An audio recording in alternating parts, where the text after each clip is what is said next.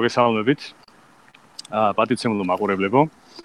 თქვენ უყურებთ გემოგის რიგით მესამე პოდკასტს. რიგით მესამე პოდკასტს. ჩვენ ვიმყოფებით ზღვის დონიდან არ ვიცი რამდენ მეტრზე, მაგრამ თავარია რომ ზღვის დონიდან რაღაცამდენ მეტრზე ვართ. კი ბატონო. მე მირიანი ვარ ეს გოგა.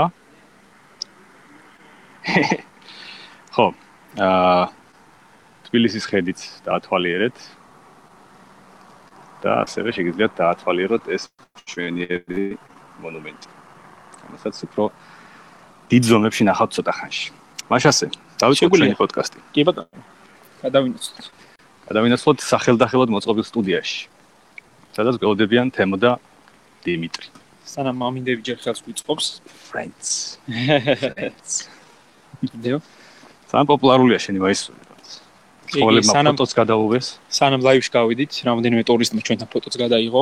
არა იმიტომ რომ გემოგის ბორდის წევრები ვართ, არამედ იმიტომ რომ friends მაისური მაცვია. მოერიდაც. Hello. დიმიტრი? მოგესალმებით მეგობრებო. так. სანამ გადავერთვით ძირითად კამერაზე, მინდა გაუწყოთ რომ ჩვენი პოდკასტების სპონსორია On of G. ესე იგი. დავიწყოთ ხო? შეგვიძლია უკვე დავიწყოთ. დიმიტრის კიდევ ერთხელ ყველას მოგესალმებით მეგობრებო. ძალიან სასიამოვნოა რომ ჩვენ ვაგზელებთ ჩვენი პოდკასტების გადაღებას და პირდაპირ ეთერში გაშვებას. სამწუხაროდ წინა გადაცემაში მე არ ვიყავი, ისევე როგორც თემო. თემო იყო შეუძლოთ, ხოლო მე ვიყავი რაიონში, ოღონდ აქ იყო პატარა ტექნიკური შეცდომა გაპარული, მე სამეგროლოში არ ვიყავი, მე ვიყავი კახეთში. და არა, სამეგროლოშიც გადასარევია რა ზე ლაპარაკი. უბრალოდ მე იქ არაფერი არ მაქვს სამწუხაროდ. ხო, კახეთში ვიყავი და აა ვინც ადამიანებს თვალყურს ჩემს პირად კედელს ნახავდით რომ ესე იგი წვიმდა ძალიან და მე ხაშიც და არაყიც მოყვა მაგ საქმეს. მაგრამ ეს ისე ჩართული წინადადების სახით. დღეს არის მესამე გამოშვება. კი ბატონო, პოდკასტის მესამე. დღეს არის ოქტომბრის მიწურული. თბილისში არის არაჩვეულებრივი ამინდი და ჩვენ ამოვიდით აი ესეთი საინტერესოა. ვფიქრობთ რომ საქართველოსი თუ არა ყოველ შემთხვევაში Apple-ის მატიანე მაინც ვართ. კი ბატონო. გადაწყვიტეთ ეს ორი მატიანე ერთმანეთთან რაღაცნაირად დაგვეკავშირებინა. მით უმეტეს რომ ცანამ ჩვენი სტუდიის მოწყობა მიმდინარეობს და ასევე ვინც ამით დაინტერესებულია, გაცნობებთ რომ ძალიან კარგი აპარატურა გამოვიწერეთ ახლა და ვფიქრობ კიდევ უფრო გავაუმჯობესებთ ჩვენი აუდიო-ვიდეო სიგნალის ხარისხს. აა თან ამინდებით შვენიერია და რატომაც არა, რატომ არ გადავიღოთ ესეთ თვალ წარმტაც ადგილებში. ეს ისე, შესავალი. იმა ხო, იქ ზოგადად ხა მეგობარი გვეხმიანება. ზოგადად, როგორც ყოველთვის ჩვენს პირდაპირ ეთერში გარეხმები აუცილებლად მონაწილეობს ხოლმე წეღან ბავშთა ექსკურსია იყო მოსული და აი ძალიან სასიამოვნო ჟრიამული იყო, სამწუხაროდ ისინი უკვე წავიდნენ. აა თორე თქვენ მოისმენდით როგორ მხიარულობდნენ ბავშვები რა ძალიან კარგია და მე ძალიან მომწონს. ეხლა ჩვენს თემებზე გადავიდეთ, ხო? აა მოდი სანამ თემებზე გადავალთ, საკითხებს უბრალოდ. ხო, კი ბატონო. აა სამადლობელოთ დავიწყოთ ჩვენს გემოგის ლეგენდარულ ლოგოსთან დაკავშირებით. ეხლა მიკროფონის ნაცვლად ყანწი ეს ისე ხომ რა.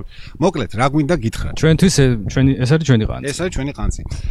აა ჩვენ მეტნაკლებად უკვე ჩამოყალიბებული ორგანიზაცია ვართ, კომპანია თუ რა ვიცი, რაც გინდა დაარქვით, მაგრამ და რა თქმა უნდა უკვე მრავალი წელია. ბევრი მრავალი წელია ჩვენ ამას ვაკეთებთ ვცდილობთ რომ დავიმკვიდროთ ჩვენი თავი ხალხისთვის ნობელი გავხდეთ მაგრამ ამ საკითხში ჩვენი დამკვიდრებისა და ასე ვთქვათ იდენტიფიკაციის საკითხში ძალიან დიდი წვლილი მიუძღვის ერთ ადამიანს ქართველს რომელიც სამწუხაროდ თუ რა ვიცი საბენ იქნებ საბენიოროთაც ახლა საქართველოსში არ იმყოფება ცხოვრობს ლიეტუვაში როგორც ახლა უკვე ახალი ახლებურად ვამბობთ.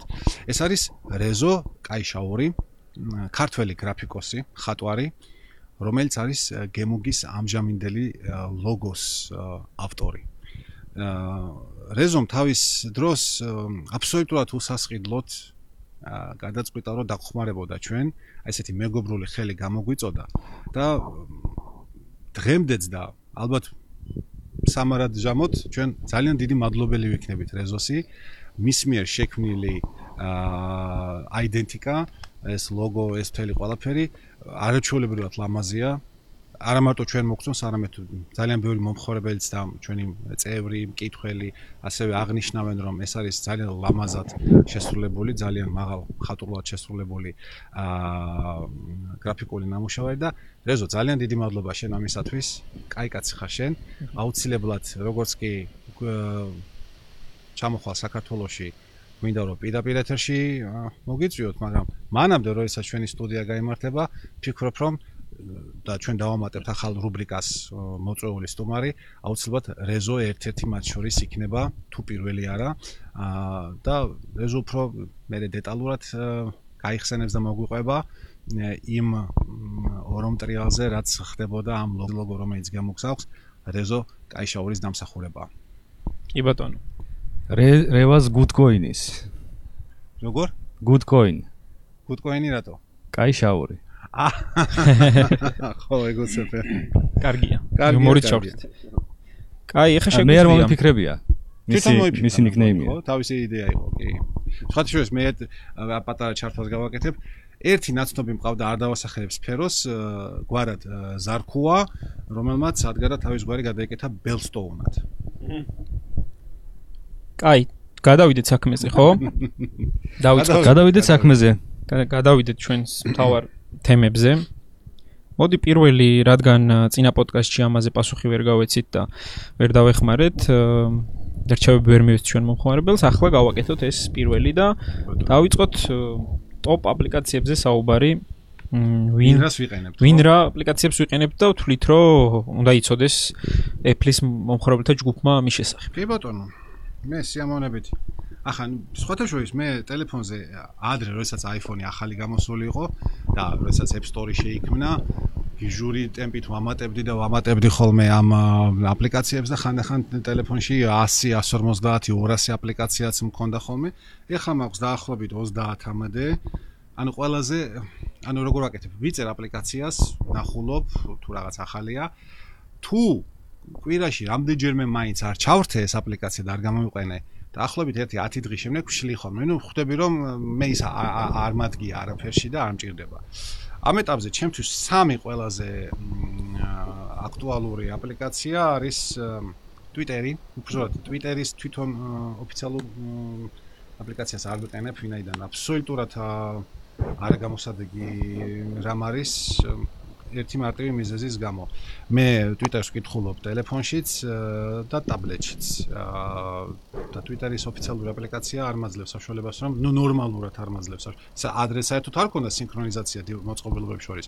ეხლა მაგრამ არაჩვეულებრივად კარგად მუშაობს და ინფორმაციის მიღების, ტექნოლოგიური, პოლიტიკური თუ სხვადასხვა სახის ინფორმაციის მიღების ძირითადი წყარო ჩემთვის არის Twitter-ი და კონკრეტულად Tweetbot-ი. მეორე აპლიკაცია ეს არის Reader-ი, ესეთი. თვითონ არის წერს, თუმცა თვითონ შეუძლება, Feedly-ა, მას შემდეგ რაც ბოროტმა, ბოროტების კორპორაცია Google-მა და ამას თქვენ მაგას არასოდეს ვაპატიებთ, გადახურა და გამორთო. მე მოგვიწია რაღაც ალტერნატიული გზების მოძებნა, იმისათვის რომ RSS არხების საშუალებით წაგვეკითხა სიახლეების ვებგვერდებზე. ხა დამეთანხმები შეუძლებელია ყოველდღე გახსნა 200-300 ვებგვერდი იმ იმედით რომ იქ რაღაც ახალი ნიუსი დაიდო და ირბინო აქეთ-იქით გიჟივით. ამისთვის არსებობს RSS არხების აგრეგატორი. მანამდე იყო ეს Google Reader-ი ერთ-ერთი ყველაზე კარგი მოხერხებული. მაგრამ Feedly-ს კლიენტი არ მომწონდა, ამიტომაც ეს Reader-ი ჩვენ მე ამ ბმულებს ამ აპლიკაციებზე სტატიის პოდკასტის სტატიის ტექსტში დავწერთ აუცილებლად. და შემოგთავაზეთ მე თქვენ თუ სურვილი გექნებათ, გადმოიწერეთ და ისარგებლეთ.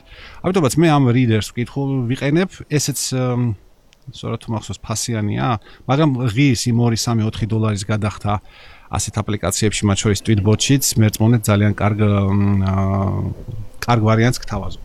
და მესამე რასაც მე ვიყენებ, ეს არის ეგრეთ წოდებული to-do-ების, ანუ ყოველდღიური სამუშაოების, ამოცანების, ტასკების, თუ რაც მინდა დაარქვით, აა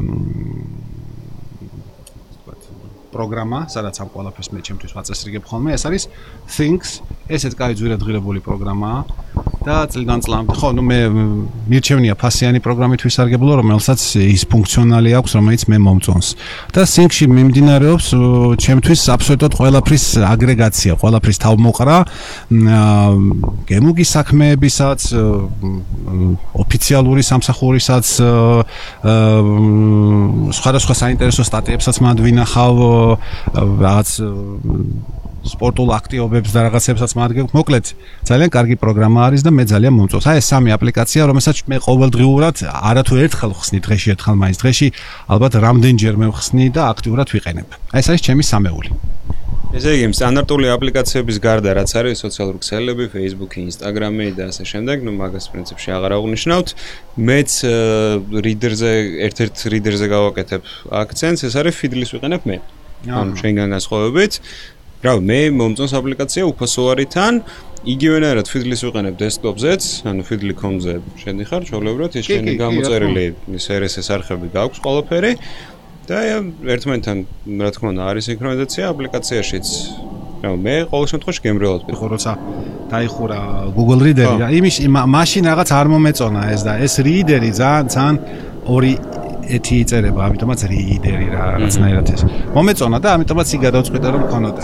ხო, მე ანუ ერთ-ერთ ეკნებ Fiddle-ის ვიყენებ, desktop-ზეც, ჩვენივრად აპლიკაციაზეც და მეორე ხა ეს ბოლო პერიოდი გავააქტიურე, აი ჩვენი ჩემს მარჯვნივ შდომი ძმა და მეგობარის დახმარებით Spotify. რომელიც Spotify ხო? ეს ყოფილა, რაც ყოფილა. ესე ვთქვა რა. Apple Music-ი მგიცდია? Apple Music-ი არ მიცდია.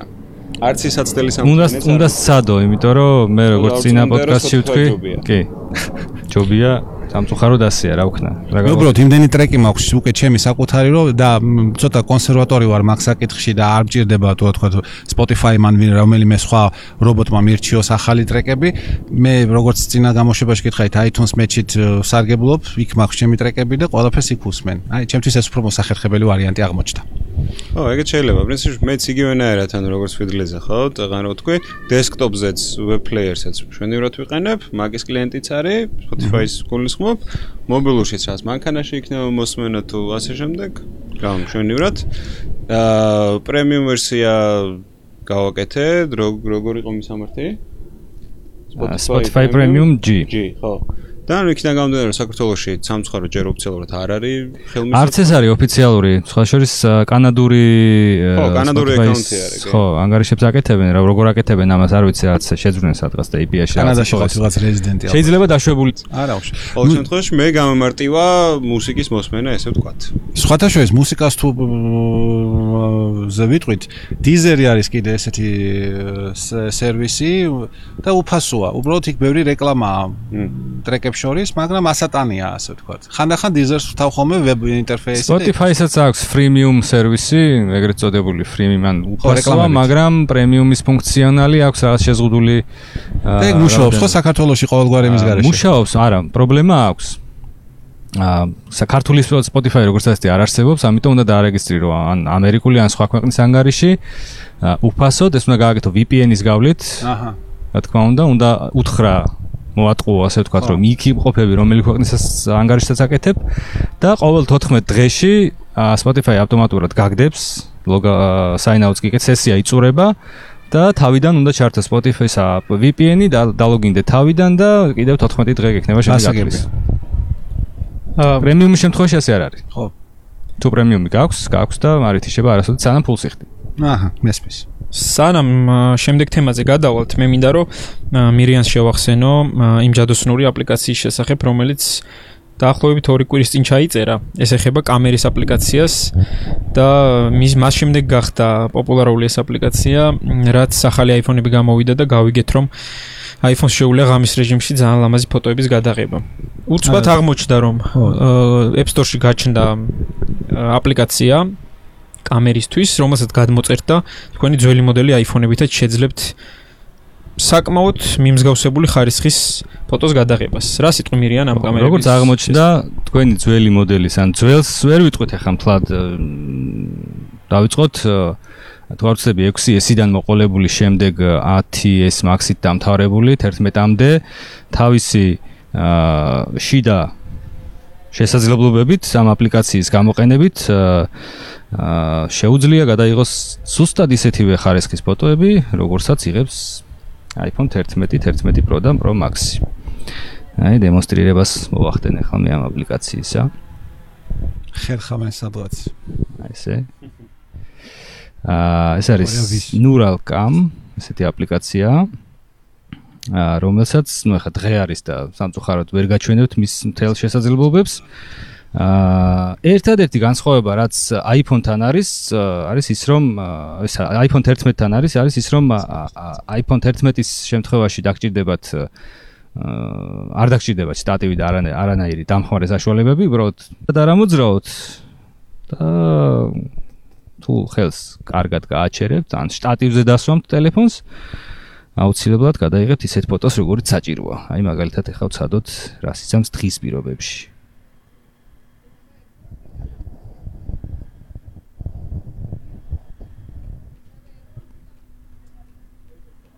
ნახე, დიდად არაფერი ეთყობა, ღამე უნდა გააკეთო ეს პრინციპში. ო, ღამე ჯობია. აი, დაუბრუნდეთ ძირთად კამერაზე. ესე იგი. არა, აი, რო შეხედავ.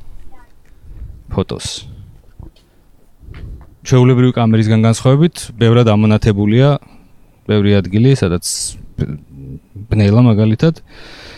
იმიტომ რომ ეს აა მიჭრა მოჭრა რაღაც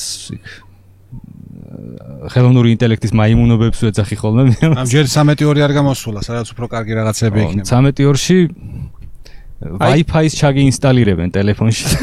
აი კაკრას უნდა გადავსულიყავით შემდეგი თემა შეგვიძლია რომ ეს კონდეს იმიტომ რომ აქტუალურია კაკრას? რადგან რა კაკრას? სწორედაც რომ. მეორე დარტყვა რადგან დაგჭრი. რადგან ბევრს გამორჩა პრეზენტაციიდან სამწუხაროდ. ის რომ არის ესეთი ტექნოლოგია რომელიც Apple-მა წარმოგვიდგინა Deep Fusion-ი რომელიცაც გვეუბნებიან რომ 13 და 2-ში უნდა დაემატოს, რომელიც კარს მოგვადგა. კი ბატონო. და მის ამ ტექნოლოგიის ხარდაჭერა ახალ iPhone-ებს ექნებათ და ნუ ეს განსაკუთრებით იმათთვის ვამბობ, ვინც უკვე შეიძინა ახალი iPhone-ი და ძალიან კმაყოფილი არის კამერებით. ანუ ეს იმას ნიშნავს, რომ კიდე უფრო კმაყოფილები იქნებით, როცა 13 და 2-ს დააყენებთ, რადგან ამ ფუნქციას ექნება უფრო მეტი დეტალიზაცია კი. უკეთესი კონტრასტები და ჩვენ დღეს ჩვენ საიტზე განთავსდა კიდევაც სტატია ამის შესახებ, სადაც შედარება არის diffusion-ის გარეშე გადაღებული ფოტოების და ასევე diffusion წერიანი კაცის სურათი, ხო? კი ბატონო, წერიანი კაცის სურათი არის მთავარ ფოტოთ. შეგიძლიათ იხილო და გაგიხარდებათ დამერწმუნეთ.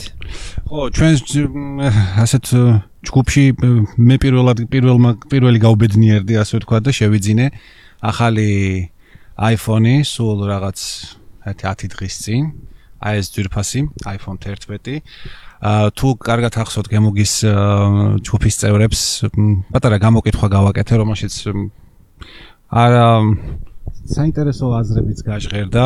მაგალითად პატარა გამოკითხვა გააკეთე რომელიც სულ ტყუილად აღმოჩნდა გაკეთებული და ხალხი გაწმილებული დარჩა.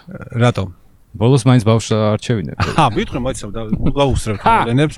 მოკლედ, ჯერ საინტერესო ის იყო, რომ საკმაოდ ბევრმა აქტიურად მიიღო მონაწილეობა გამოკითხვაში და კომენტარებიც ბევრი დაიწერა. კომენტარების ნაწილი იყო კონკრეტული ფერის, თქვათ, მითითება და ასე შემდეგ რჩევები, ხოლო კომენტარების მეორე ნაწილი იყო, ასე თქვათ, გაოგნებული კითხვები, რატო ვკითხულობდი მე იმ ფერის არჩევას, რატო ვეკითხებოდი სხვებს? რატომ არ ვიღებდი საკუთარ გადაწყვეტილებას? არ ვიცი რა გიპასუხოთ. ალბათ იმიტომ რომ მაინტერესებს პირველ რიგში მაინტერესებდა ჯგუფის წევრების მოსაზრებები ზოგადად ახალ ფერებთან დაკავშირებით. მე მეორე ალბათ ის რომ iPhone 11-ის მრავალფეროვან არჩევან შორის ორ ფერზე მქონდა ასე ვთქვათ მაქსიმალური ყურადღება. ანუ შავი მომბეზრდა 10 წელია თუ რამდენი წელი iPhone-ი მაქვს ეს მუქი ფერი არ მინდოდა. წითელი მე ზოგადად თვითონ წითელი არ მიყვარს და ამიტომაც ვარი ვთქვი, ყვითელი შესაძლოა ჩემთვის ზედმეტად მკვეთრია აღმოჩენილიყო და რა დაგჭა. ხო, ის ფერი რაღაც დეპრესიულ ფერად აღვიქვი, არ მომეწონა და დარჩა რა, დარჩა ეს მწვანე, რომელსაც მე უფრო პიტნის ფერს დავარქმევდი, ჩაი პიტნით, თუ პიტნის ჩაი. და მეორე რძისფერი თეთრი იყო, მართალი იმას უბრალოდ white-ი უწერია, მაგრამ მართლა რძის რძესავით და რძე მე მიყვარს. კარგი სითხია, ფრიად გემრიელია. ოღონდ თავარია ძროხისგან არ იყოს ეს წარმოშობილი, ანუ ქართული. ხო, ეს შეეხება ერთ ჩანართს გავაკეთებ, ბრიტანელმა მეცნიერებმა დაადგინეს, რომ რძე თურმე არც ისე სასარგებლო ადამიანისთვის, როგორც კი, მაგრამ საკავშირის დროს მიიჩნევდნენ და დღესაც არ ზოგიერთი ბურგერია სასარგებლო, მაგრამ თქვი გვიყვარს მაინც. ხო, ამიტომაც ესე იგი ესეთი გამოკითხვა გავაკეთე. მაგრამ, მაგრამ მაქს ბოლომდე რომ ამ გამოკითხვას არ დავყრდნობოდი, სახში გავაკეთეთ ესეთი რამ. ჩემ შვილ სანდრიკოს ავიღეთ მისი ქუდი. ავიღეთ ორი ფურცლის ნაჭერი, ერთზე დავაწერეთ მწვანე, მეორეს დავაწერეთ თეთრი.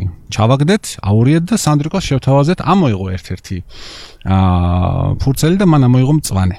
ისუსაც აქედან ბატონ ალექსანდრეს უღრმეს მადლობას ვეუბნები. აა შვილო თუ მიყურებ ახლა, მადლობა. შემდეგ შემოგინახავ. გნახავს. მე ხო კადრებს მე ნახავს აუცილებლად არქივში. აი ესეთი იყო ჩემი გადაწყვეტილება. ახლა რაც შეეხება თვითონ ტელეფონს. ხო, ნუ კიდევ ერთხელ მინდა აღვნიშნო, რომ უღრმესი მადლობა მინდა უთხრა On of G-ს და კომპანია iTechnics იმისათვის, რომ მათ დახმარებით მე შევძელი ამ მოწყობილობის შეძენა. დიდი მადლობა მეგობრებო. აა რაც შეეხება ტელეფონს, მე აა ვინც თქვა თვალყურს მადევნებთ, იცით რომ ტელეფონებს და კონკრეტულად iPhone-ებს ძალიან იშვიათად ვიცვლი. კერძოდ, სანამ ტელეფონი არ ამოწურავს თავის ტექნიკურ შესაძლებლობებს, ანუ არ შეწყდება მისთვის განახლებების მიწოდება, მე ამ ტელეფონით სარგებლობ. შესაბამისად 2014 წლიდან მე მქონდა iPhone 6, რომელმაც წელს უკვე აღარ მიიღო განახლება iOS 13-ის სახით და აი მეც წამოვწდა დააჯდა სიკვდილის ბუზი, ხო? და შესაბამისად გადავწყვიტე რომ ახალი ტელეფონი მეყიდა. პრო ვერსიებისგან თავი შევიკავე ვინაიდან მარტო OLED ეკრანი და მესამე კამერა არ არის საკმარისი რომ მე ვთქვათ მოვეხიბლე და არ მიმაჩნია პირადად მე არ მიმაჩნია სწორად ამაში 300 დოლარი დამატებით 300 დოლარის გადახდა. ან თქვა საქართველოს ბაზარში კიდევ უფრო მეტისა. ამიტომაც iPhone 11 არის ის იდეალური ვარიანტი, რომელიც ადამიანმა უნდა შეიძინოს. ჩემი აზრით. ამას დავამატებ ყოველთვის. ჩემი აზრით. შეიძლება თქვენი აზრი ამისგან განსხვავდებოდეს. აა 10 დღიანი ექსპლუატაციის შედეგად მინდა გითხრათ, რომ ტელეფონი არის ძალიან კარგი, დაბალანსებული. აკუმულატორი მუშაობს მშვენივრად, სისტრაფეზე საერთოდ არ არის საუბარი, რაიმე წაბორძიკებაზე არ არის საუბარი. ფოტო ფოტოების ხარისხი არის პირადად ჩემთვის იდეალური, იმდენად მაღალ ხარისხს მაძლევს დღისად, დღის ფოტოებზეც, ხამის ფოტოებზეც, პორტრეტებზეც. აა მოკლედ, და რაც თავარია, რაც ყველაზე მთავარია. iPhone 6-ისგან განსხვავებით ეს ტელეფონი არის უფრო სქელი და უფრო მძიმე. და მე არ მჭირდება, ну, თუ არ ჩავთვლით რომ თქვა შუშა ორი მხრიდან და უნდა დავიცვათ მაგ თვალსაზრისით, მე არ მჭირდება შალითის გამოყენება, ეგ ეწოდებული кейსის, ჩიხოლის, როგორც იტყვიან ხოლმე. იმიტომ რომ ხელში ჯდება იდეალურად, არს რეალებს შუშის მიუხედავად და მძიმეა, რაც კარგია. ჩემთვის არის კარგი. შეიძლება თქვენთვის ეს დისკომფორტის გამოწვევი იყოს. მე პირადად ძალიან მომწონს.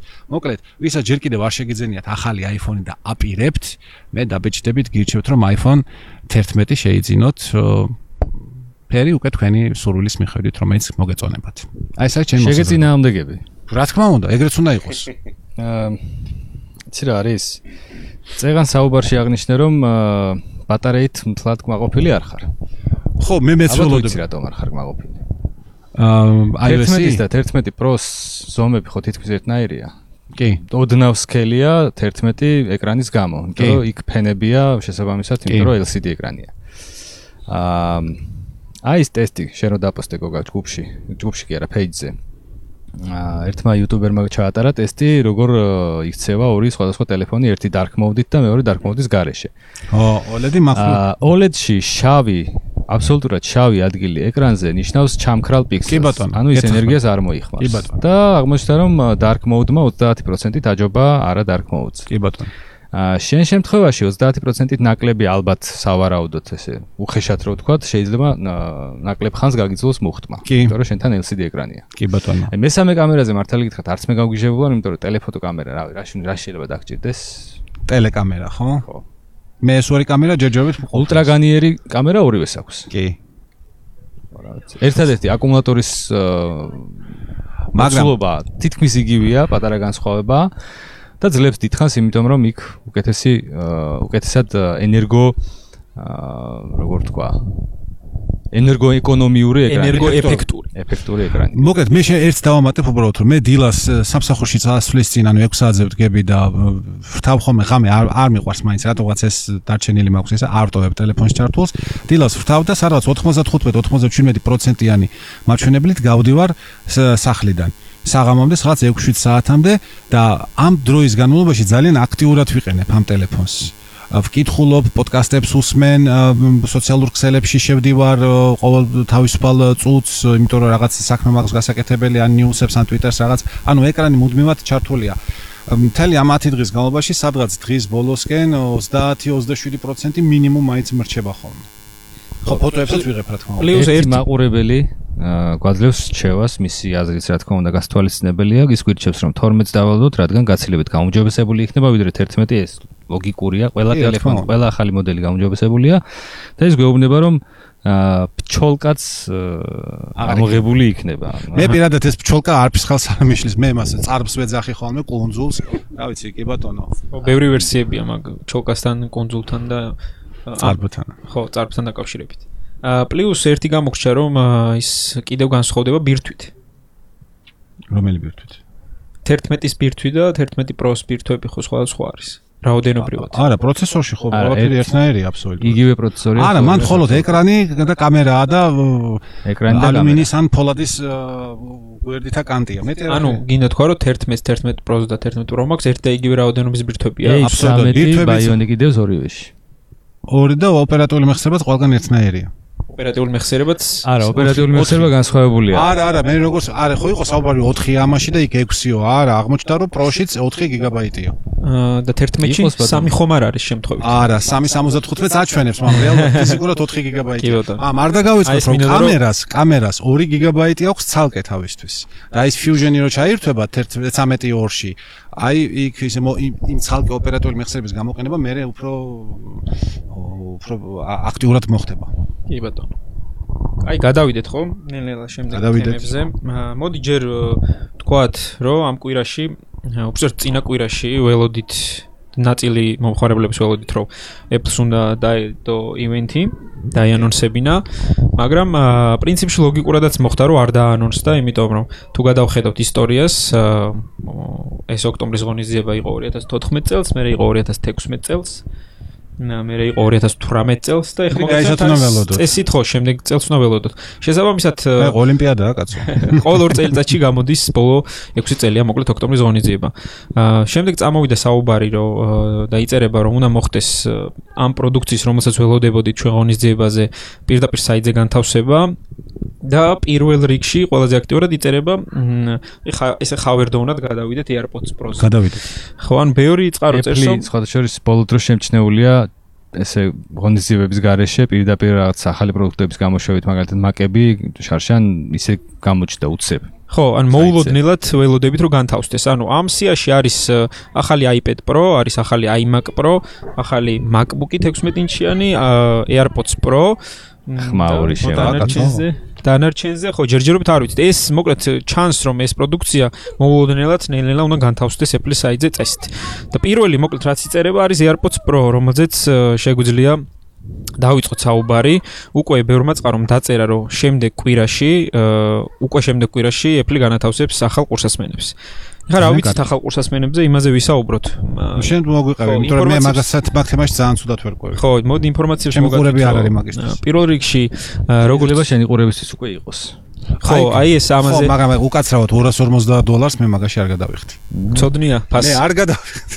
ხო, მოკლედ როგორც იწერება, ალბათ იქიდან უნდა მოუყვეთ, რომ ყველაზე ხშირად რაშიც AirPods აკრიტიკებდნენ, იყო ხოლმე ის ხმები, რომელიც გარედან შემოდიოდა ხოლმე ხშირად. განსხვავებით შედარებით მე AirPods მეორე თავის AirPods-ში ცოტა გამოსწორებულია ეს ამბავი.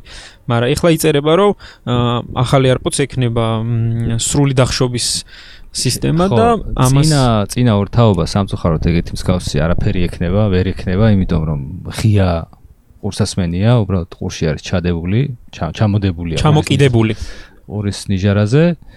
ხო და ხო, შესაძლოა არ იქნება. ის იზოლაცია ხდება ფიზიკური მასალის გამოყენებით, რომელიც ხურავს ყურის არხს. აქ ესეთი არა გვაქვს. არ გვაქვს და ეხლა ახალ დიზაინებში უკვე გამოჩნდა დაახლოებით ამ სტილის ყურსასმენი, რომელზეც ამბობენ რომ უნდა ღირდეს 250 დოლარი. აა და ამას გარდა არის საუბარი იმაზეც რომ შესაძლოა ის იყოს წყალგამძლე და მისი მოხმარება შეგვეძლება ცურვის დროს, რაცაც ბევრი ბევრი კითხულობს ხოლმე. წყალგამძლე შეიძლება ყურსასმენი იყოს თუ იმ შემთხვევაში თუ მისი დინამიკის მხარე იქნება დახურული. და მისი დახურვა შესაძლებელია მხოლოდ ინეარ ყურსასმენის შემთხვევაში, რომელიც კეტავს პურის არხს მთლიანად. ხო, ასეთი ყურსასმენებივით რა. ასეთი ყურსასმენები არსებობს და ხმარობენ კიდევაც ზოგ-ზოგი ერთი სპორტსმენი და არა სპორტსმენიც და შესაბამისად კითხვაც გაჩენია. ცოტა ჭორებით მაგალითად. ხო. ინეარია, იხურება, წყალგამძლეა, პრობლემა არ აქვს. მე ვერ წარმოვიდგენია, წყალში რაღაც გვინდა ეს ყურსასმენები.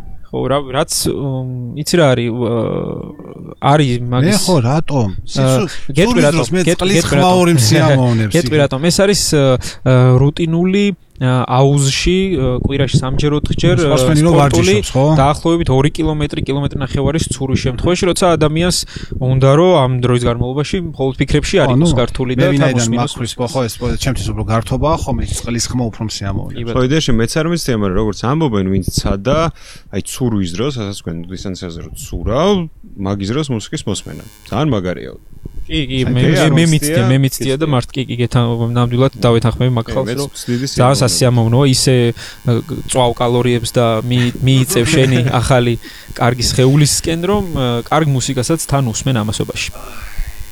და სულ ეს აი AirPods-ი რაც უნდა გვეთქვა ხო, მე უბრალოდ აი მე ერთ დავამატებ, ხო, AirPods კი არა, MacBook Pro 16 დუიმიანზე ვიტყვი, რომ ეს ახლა მე ჭვებასავით, რომ უბრალოდ დადონ ვებსაიტზე და გითხრან, რომ აჰა თქვენ ახალი 16 დუიმიანი და მიდით ახლა იყიდეთ. იმ ახალი პროდუქტია, ხო ეს ხო არ არის ამჟამინდელი MacBook Pro-ს უბრალოდ განახლება ტექნიკური, რომელშიც პროცესორი ან რაღაცა განახლდა. ეს არის პრინციპში ვიზუალური სახესხვაობაც, იმიტომ რომ იქ კანტები უნდა მოშორდეს ეკრანს, რაღაცა რაღაცა მთელი ამბები იქ წარბი უნდა დაემატოს ზედა ნაწილში, როგორც ამბობენ, ან შეიძლება არ დაემატოს. ამიტომაც ევენთის garaში ასეთი რაღაცის გამოშვება მეეჭება შეიძლება მართლა გოგა როგორც შეიძლება ყურსასმენები დაემატოს და თქვა iMac-ი და iPro განახალდეს, რომელიც უკვე ისედაც არსებობს Pro ვერსიები, ხოლო 16 დუიმიანი MacBook Pro გაზაფხულის ევენზე ვიხილოთ. ხო, ეს ლოგიკურია, იმიტომ რომ ითვლება ეს რეალურად ახალ ხაზად, იმიტომ რომ სხვა ეკრანი იქნება და ამასთანავე გავრცელდა სპეციფიკაციებიც ამ მოდელის და ლოგიკურია ის, რასაც ჩვენ ამბობ, რომ პრეზენტაციაზე გვაჩვენონ, რადგან გარჩევადობაც უკეთესი ექნება როგორც იწერება, ექნება არა butterfly კლავიატურა, არამედ ექნება მაკრატელა კლავიატურა, ესეთი ახალი დასახელების. ხო, Caesar keyboard და Intel-ის ბოლო პროცესორი, რომელსაც ქართულში რო გადმოვიტანოთ, ყინულის ტბა ქვია. ესეთი დასახელებით. ყინულის ტბა, ზედმეტად. კი ბატონო. შაშან გაზაფხულზე ხო ქონდა ივენთი? რაც იყო education. Education ლონდონში იყო ის ანუ სასკოლო ამბავი სასკოლო ამბები შარშან არ ყოფილა არაფერი ხო? WWDC-ზე არის ხოლმე პროდუქტები. ხო შეიძლება არ ვიცი მოკლედ ბევრი მოსაზრება არსებობს ამასთან დაკავშირებით და აი როგორ მოხდება შემდეგ კვირაში თუ არაფერი არ იქნა აღონიზება და არც პროდუქტი ჩათვალეთ რომ მაშინ გაზაფხულზე იქნება. ხო სავარაუდოდ გადაიდოს გაზაფხულზე კაი შემდეგი ერთი ინფორმაცია რაც მინდა რომ კიდე მივაწოდოთ ჩვენს მომხმარებლებს. ჯერჯერობით ჩვენს ჯგუფში ამასთან დაკავშირებით კითხვა არ ყოფილა მაგრამ მაინც თუ შეგხვდებათ მსგავსი შემთხვევა და ახლა თქვენ უყურებთ გემოგის პოდკასტს გეცოდინებათ რომ არ შეგეშინდეთ. მოკლედ რაზეა საუბარი. Apple-ის Apple-ს აქვს ქარხანა ინდოეთში სადაც როგორც ჩინეთში ასევე აწარმოებს რაღაც ბრაზილიაშიც აქვს კიდე კი ბატონო, რაღაც რაოდენობის iPhone-ებს და ყველაზე ხშირი როგორც ამბობენ, როგორც იწერება არის iPhone 10 არის და ნუ იმის თქმა რომ შესაძლოა შეიძინოთ iPhone 10 არის, რომელსაც უკან made in China-ს ნაცვლად ეწერება made in ინდია. შესაბამისად არ გქონდეთ ამაზე არა სახი არ შეგეშინდეთ, მოკლედ და ეს კაია თუ ეს ინფორმაცია გეცოდინებათ. ნუ როგორც მოგეხსენებათ, Apple თავისი როგორც იწერება და ცნობილია თავის ინვესტიციის დაახლოებით 15 20%-ს ინდოეთში წინახავს. და ანუ ასე თუ შეხვდა ტელეფონი made in brazil არ შეგეშინეთ იქ უბრალოდ ბევრი სამბა და ჩაჩაჩა იქნება ჩაწერილი ალბათ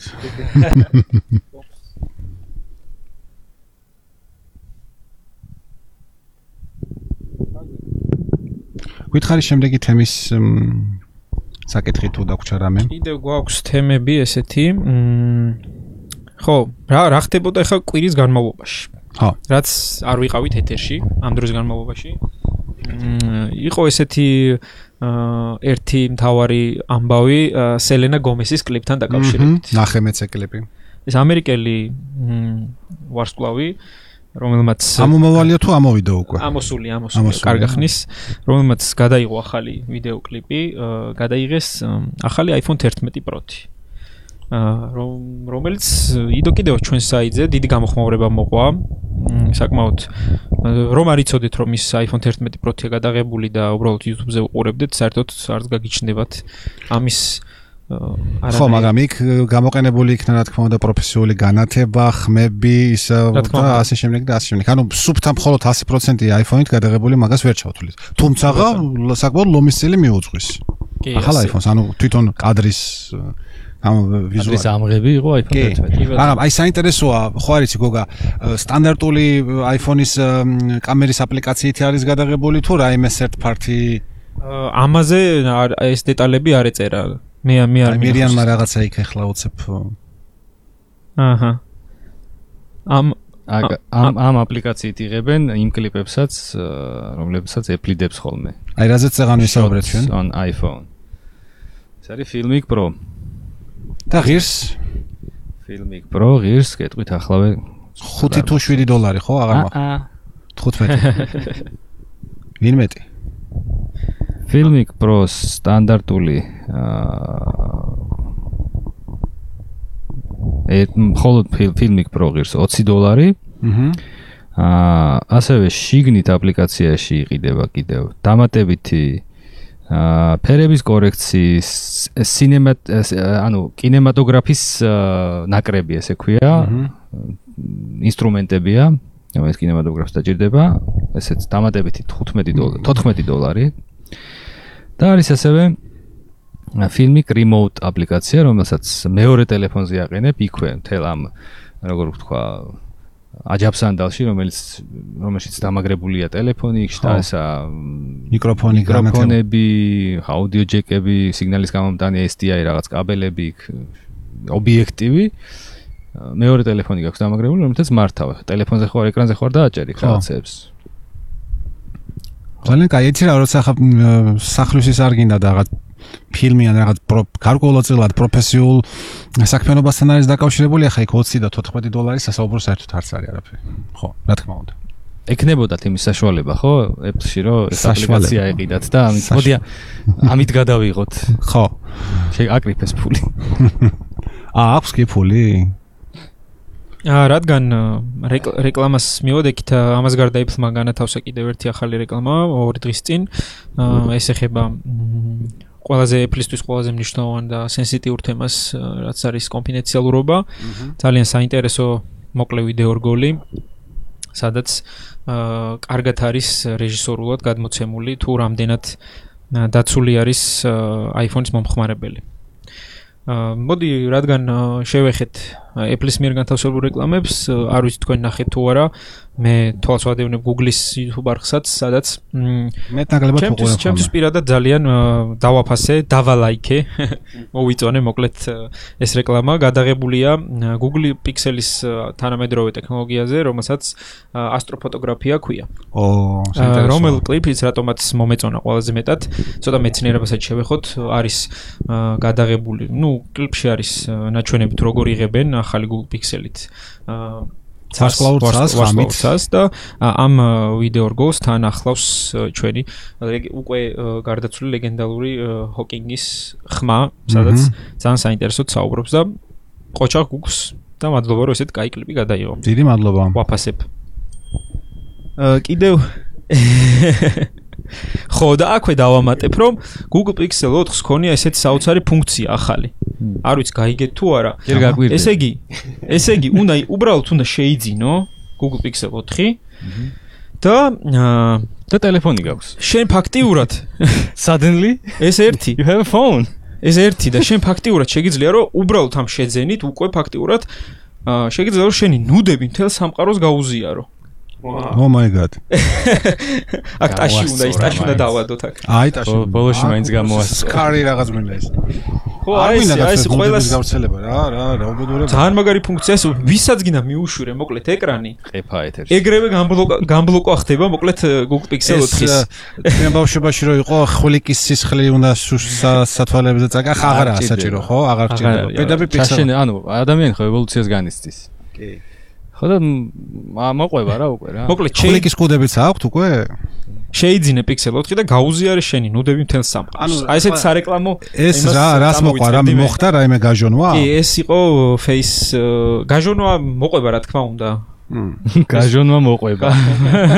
სარეკლამო ის არის განაცხადია. ხო, რა თქმა უნდა, იმიტომ რომ ეხლა ჩვენ ძალიან გაგვიწყლებიან Google-ის ესე სერიოზულად ძალიან სამწუხაროა რომ მის სახის ამოცნობაზე ამოცნობის ტექნოლოგია ვერ გამოვიდა კაი და ბევრი ექსპერტი საუბრობს იმ ცოტა ბოლოს ყველა მაინც ეს დასკვნა გამოიტანა რომ თითქოს რაღაც სატესტო smartphone-ია და ჯერ არ არის ის Google-ი მზად რომ ესეთი ხარისხის smartphone-ები აწარმოოს. ანუ არა, ეხლა მე როგორც მე ამიხსნეს Android-ის მომხმარებლებმა ეს არ ყოფილა პრობლემა, ეს არის feature. ის რომ Pixel 4-ის სახის ამოცნობის სისტემა თვალდახუჭულზე და თქვა დაძინებულზე ან გვამზეც მოქმედებს ეს არაფერია ეს რახან ინსტრუქციაში წერია რომ ეს ასეა ეს კი პრობლემა არ არის. ასე რომ შეიძლება გვამიდანაც გავხსნათ ტელეფონი დაძინებულზე თუ ინსტრუქციაში წერია რაღაც მაგალითად აა ტელეფონი ცივი არაღია ესე იგი ცივი არაღია ну, მაგალითად მე ერთი 10, რომელიც 12 წლის წინათ მქონდა Philips-ის მობილური, რომელიც საშუალო ზომის თიხის აგურის ზომის იყო და წონისაც, ასე რომ ცივი არ ვიცი, მან ბლაგვიარაღად გამოდგებოდა ძალიან კარგად. Nokia 33 რომელი იყო? 1310. ხო. ეს რუსმას აჭედებდნენ. კომპაქტური, კომპაქტური ჩაკუჩი.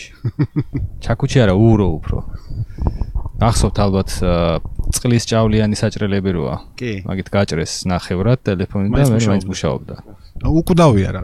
ხო, ანუ ეს კაი ჩვენ ცოტა ხა ვიხმარეთ, მაგრამ აა რეალურად სერიოზულად თუ ვისაუბრებთ, კი ბატონო, Pixel 4-ის სახის ამოცნობის მოდული კი მუშაობს ძალიან სწრაფად და რეალურად რაც მე ვიდეოში ვნახე, მეტად სწრაფად მუშაობს. ამოდი შევთანხმდეთ. სწრაფად მუშაობს და კი ბატონო, iPhone-ს და iOS 13-ის მასე უფრო სწრაფია, მაგრამ ჩემი პერსონალური მოსაზრებით ის რომ თვალდახუჭულზეც მუშაობს და ძინარეზეც გარდაცვლილზეც და ასე შემდეგ არ არის გვაქვს სწორი. ანუ როცა Face ID-ს ჩვენ ვრთავთ და ვააქტიურებთ და სახეს ვანახებთ და ვიწერთ ჩვენი სახის მონაცემებს, იქ ეს ოფცია ავტომატურად ჩართულია, რომელიც ითხოვს ესა აა ყურადღებას ითხოვს და უნდა უყურებდე კამერის მოდულში თვალით. ან თვალით პირდაპირ უნდა უყურებდე. თუ გვერდზე ოდნავ გაიხედავ, არ გაიხსნება ეკრანი. მე რე უკვე შეიძლება ეს ფუნქცია გამორთო, თუ მაგალითად არ გაწუხებს ის და თავს საფრთხოდ გრძნობ, შეიძლება გამორთო. და თავიდანვე ამ ფუნქციის ჩაურთველობა სერიოზული უსაფრთხოების დარღვევაა ჩემი. არა, რა, შენ გინდა თქვა რომ Pixel 4-ს აქვს ეგ ფუნქცია უბრალოდ გამორთულია? შესაძლოა იყოს. ხო, არ ვიცი. ჯერჯერობით ჩვენ არ გვაქვს ეს ახალიდან ჩართული ყოფილიყო ავტომატურად, ნაგულისხმებად. აი, ფრიად საჭირო იქნება რომ ჩვენმა ჯგუფმა მიიღოს სატესტოთ ანცი გადამეცემა, გადაეცემა თემა. Pixel 4 ახალი, თანსასურველია ნა ეს პორტოხლის ფერი თუ რაც არის, ორანჟი რომა, ეგ ფერი ძალიან მომეწონა, სხვა ჩვენ Skype-ერია და დავტესტოთ. დავტესტოთ, გავაკეთოთ მირიანის არაჩვეულებრივი შესაძლებლობები გამოვიყენოთ იმისთვის, რომ ულამაზესი კიდევ ერთ ულამაზესი კლიპი გადავიღოთ, რევიუსი. აქ ახლა ეს არის ფარული product placement-ი მირიანის სახით. და პლუს ამას უკეთესი იქნება კიდევ და უმჯობესი თუ ისეთი მოხარებელი მოვა აქ, ვისაც აქვს რომელსაც აქვს უკვე და პირველად არ არის Google-ის მომხმარებელი და ზოგადად Android-ის. აი ჩემი თანამშრომლობა კი არის Pixel-ების მომხმარებელი, მაგრამ ეხა სამი იყიდა. მეოთხე გადაწყვეტა რომ არ შეეძინა. თორე ავტოს სიამონებით მოვიწევდი ავტო მოგესალმები, ხვალ შევხვდებით. მოდი გამოწვევა დავდოთ. აა challenge. ვინმე ადამიანი რომელიც აა ობიექტურად შეიძლება ჩაითვალოს Android-ის Android-ის ცოდნეთ ამ ამ ბანაკის როგორც როგორც იტყვიან ღირსეულ წარმომადგენლად და მისი სიტყვა შეიძლება ღირებული იყოს მოვიწვიოთ თუ ის მოვა Pixel 4-ით. მოვიდეს და გვესაუბროს. დავჯდეთ, მობძანდით და გაგვეცით პასუხი. ვისაუბრო ჭეშმარიტ გვამებზე. კი ბატონო. ესე იდეო შეგვიძლია რავი ამ კვირაში რაც მოხდა. ამ კომენტარები ხო არ გვაქვს? ან კითხვები? თემებზე გავამახვილებ ყურადღებას კიდე რომ ანუ სასიამოვნო იქნება თუ თქვენ შემოგთავაზებთ ხოლმე თემებს ან ლაივ რეჟიმში ან წინა დღეს როცა იპოსტება ხოლმე გემუჯის პეიჯით და და კომენტართ ხოლმე თემები რაზეც ვისაუბრებ და მაქსიმალურად სიამოვნებით შევეცდებით რომ განავრცოთ ჩვენ ცოდნიდან გამომდინარე. კიდე ამ კვირაში რაც მოხდა იყო ეს დონალდ ტრამპის ამბავი. ამერიკის შეერთებული შტატების. პრეზიდენტის პრეზიდენტს აქვს სურვილი და მოთხოვნაც ალბათ ტიმ კუკთან მეგობრობს როგორც იცით მოგვეხსენება. რომ მეგობრობს რომ? კი კი ასეთი გააჩნია. კი ბატონო. ჩაშკალოშკა სიტყოდნენ ხომ 1.40 წელს ხო მოითხოვა ღილაკის დაბრუნება iPhone-ში ვწდები ხო ესე იყო. კი ნუ მოითხოვა მაგრამ ნუ ჯერ მაგან დაუბრუნოს ნიუ მექსიკო მექსიკას მე ვისაუბრო დანარჩენ რამეებს მეგონი აქ შეიძლება კედლის შენებას კიდე თავი დაანებოს რას? კედლის შენებას თავი დაანებოს ხო.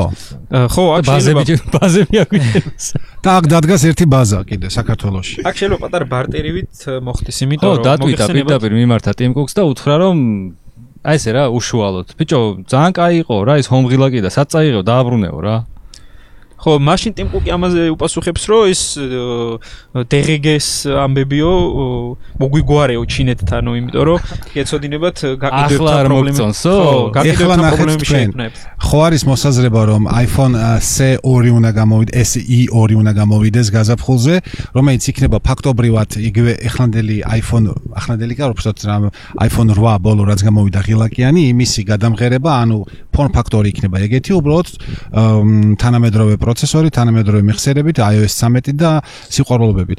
ასე რომ Mr. President შეუძლია ის ისარგებლოს ახალი C2. სხვათა შორის ეგ არ იქნება შენი აზრით? ვერა, ანუ C2 შეიძლება იყოს, მიდის მაგას ლაპარაკი რამდენიმე რავი, რამდენი წელია უკვე. წელები წლები ბევრია, მაგრამ ბოდიში სანამ იტყვი გეტყვი რომ პირველად თქვა თვითონ ყუომ კუოგე მოგე გასაგებია მაგრამ კუომ რომელიც არის ყველაზე ცნობადი ექსპერტი და დაჟე კვლევაც არის.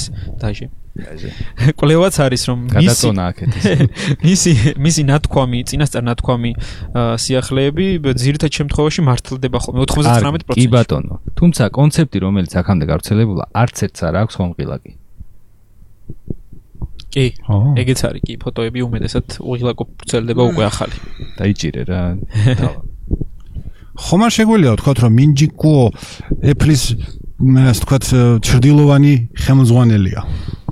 და ტიმკუკი არის უბრალოდ შირმა ნამდვილად არის ამის საბაბი, იმიტომ რომ მართლა ერთ-ერთმა ჟურნალისტმა სპეციალურად მოიღო არქივიდან აბსოლუტურად ყველა კუოს ნათქვამი და დათვალა პროცენტულად თუ რამდენად სწორად ვარაუდობს ხოლმე Apple-ის რაღაცა იცის მაგას. აი კანალზე ზის რა. საიდან აქვს მაგ ჯიგარსისი ამდენი ის? აი აი ვიდეო ჩვენს დავждებოდით მაგ კანალზე. როგორც მე აქვს ინფორმაცია, რომელიღაც ტაივანური კომპანიის ვინც უბრალოდ თანამშრომელი რომელიც აწარმოებს რაღაცეებს Apple-ისთვის?